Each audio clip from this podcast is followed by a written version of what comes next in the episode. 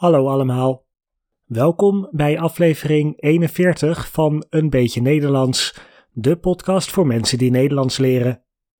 Mijn naam is Robin en de aflevering van vandaag gaat over de Belmarramp. De tekst van deze aflevering kan je meelezen op de website van de podcast www.eenbeetjenederlands.nl. Deze podcast wordt gesteund door de vrienden van de podcast. Heel erg bedankt aan alle donateurs die al een donatie hebben gedaan. Wil jij ook vriend van de podcast worden? In de show notes kan je een link vinden met meer informatie. Nu, door met de podcast.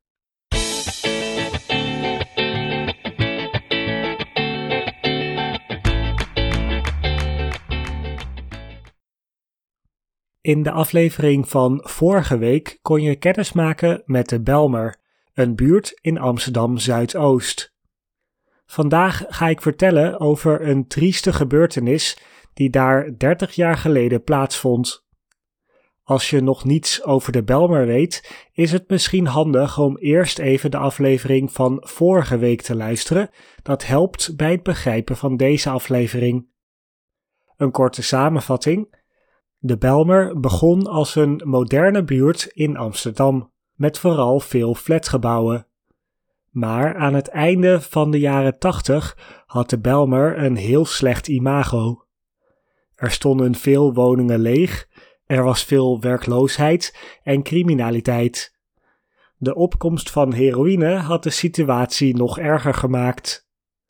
In deze aflevering vertel ik over een vliegtuigramp die op 4 oktober 1992 plaatsvond in de Belmer. Op deze avond zouden de levens van vele inwoners van de Belmer voor altijd veranderen. Wat gebeurde er precies op deze avond? Op de dag van de ramp was het guur weer. Er stond een harde wind. Aan het begin van de avond steeg een vliegtuig op vanaf vliegveld Schiphol, het grootste vliegveld in Nederland. Schiphol ligt in de buurt van Amsterdam en veel vliegtuigen vliegen over Amsterdam heen als ze aankomen of vertrekken. Het vliegtuig waar het om ging was een vrachtvliegtuig van de Israëlische luchtvaartmaatschappij El Al. Een vrachtvliegtuig is een vliegtuig dat spullen vervoert, dus geen mensen. Het vliegtuig was eerder op de dag vertrokken vanuit New York en was onderweg naar Tel Aviv in Israël. Het maakte op Schiphol een tussenstop. Daar kreeg het vliegtuig nieuwe brandstof en een nieuwe bemanning.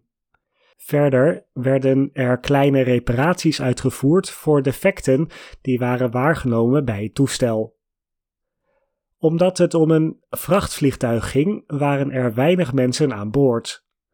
Er waren drie piloten aan boord en één passagier.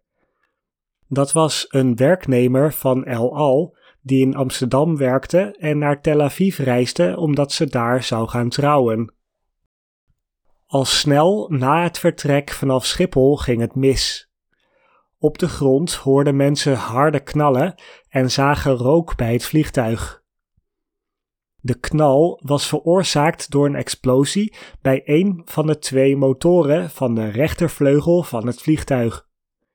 De motor was zo erg beschadigd dat het van de vleugel afbrak. Daarbij botste de motor tegen de andere motor op de vleugel die ook afbrak. De rechtervleugel had geen motoren meer en raakte zelf ook beschadigd. De motoren zijn in het water van een meer in de buurt van Amsterdam neergekomen. De bemanning zag dat er een ernstig probleem was met het vliegtuig en stuurde een mayday-signaal naar Schiphol. Ze wilden een noodlanding maken op Schiphol. Waarschijnlijk hadden ze niet door hoe serieus het probleem met de motoren precies was, Anders hadden ze waarschijnlijk niet de keuze gemaakt om terug te vliegen naar Schiphol. Om 18:35 uur 35 stuurt de bemanning een laatste noodoproep naar Schiphol. Going down, going down. Een aantal seconden later stort het toestel neer op een flatgebouw in de Belmer. De gevolgen van de crash zijn verschrikkelijk. Bij het neerkomen explodeert het vliegtuig in een enorme vuurbal.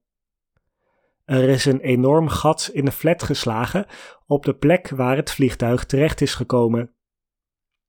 Wat over is van het flatgebouw staat in de brand, alle tien verdiepingen en meer dan 100 meter breed. Direct kwamen reddingsdiensten naar de rampplek. Politie, brandweer en ambulances waren binnen minuten op locatie. Door de omvang van de crash en de enorme brand werd gevreesd dat er misschien wel honderden slachtoffers waren. In de dagen na de ramp zou het duidelijk worden hoeveel slachtoffers er echt waren. In totaal zijn er 43 mensen omgekomen bij de ramp, 4 in het vliegtuig en 39 mensen op de grond. In 1992 waren er natuurlijk nog geen mobiele telefoons, dus was voor veel mensen lang onduidelijk of hun familieleden of vrienden de ramp overleefd hadden.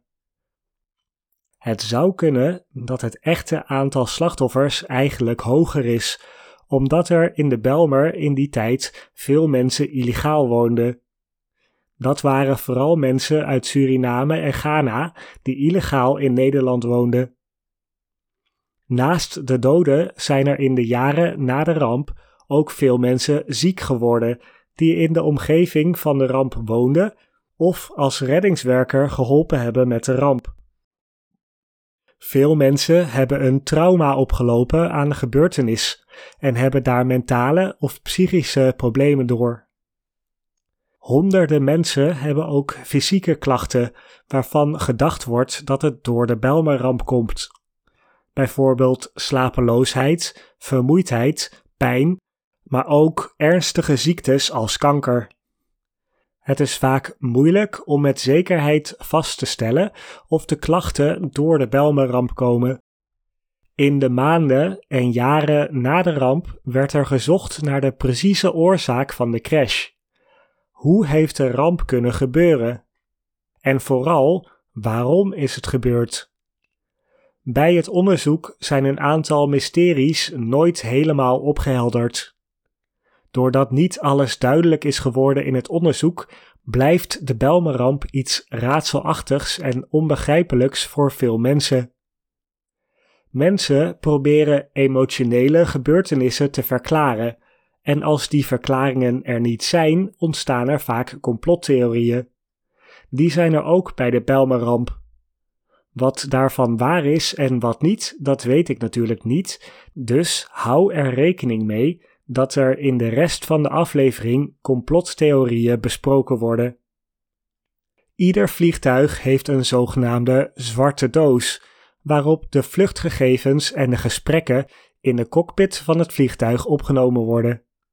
De zwarte doos waarop de cockpitgesprekken staan, de cockpit voice recorder, is nooit gevonden.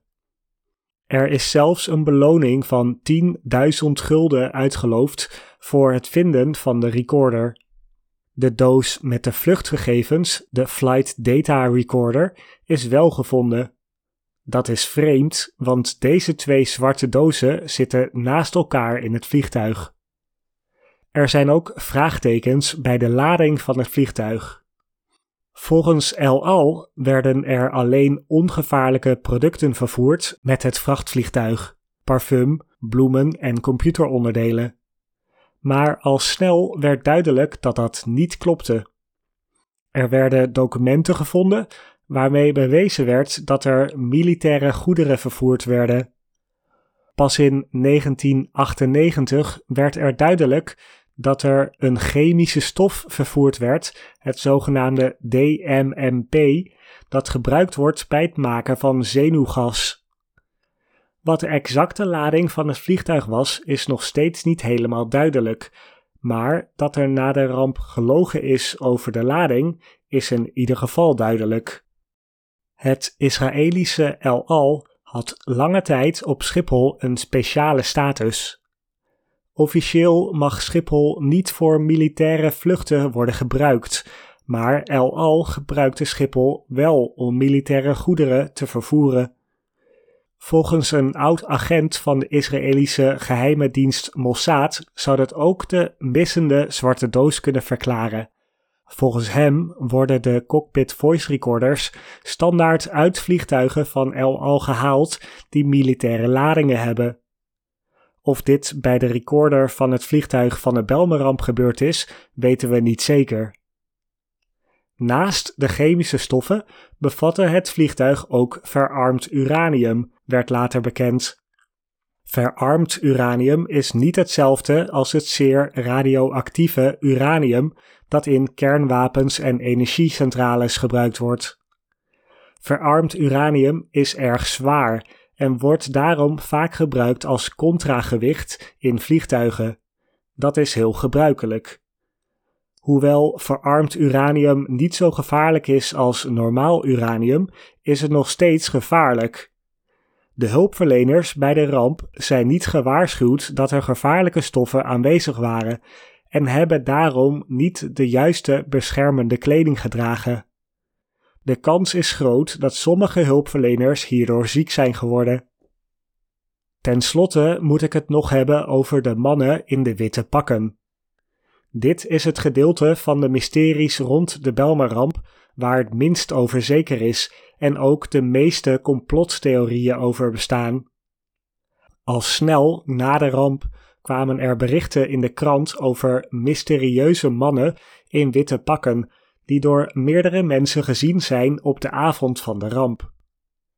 Inwoners van de flats in de buurt van de ramp, politieagenten en hulpverleners hebben verklaard dat ze de mensen in witte pakken hebben zien zoeken tussen het puin van de ramp.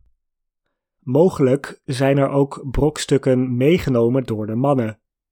Sommige mensen denken dat de mannen in de witte pakken horen bij de Israëlische geheime dienst Mossad. Die zouden op zoek zijn naar de geheime militaire lading van het vliegtuig. Er is veel onduidelijk over de mannen in de witte pakken.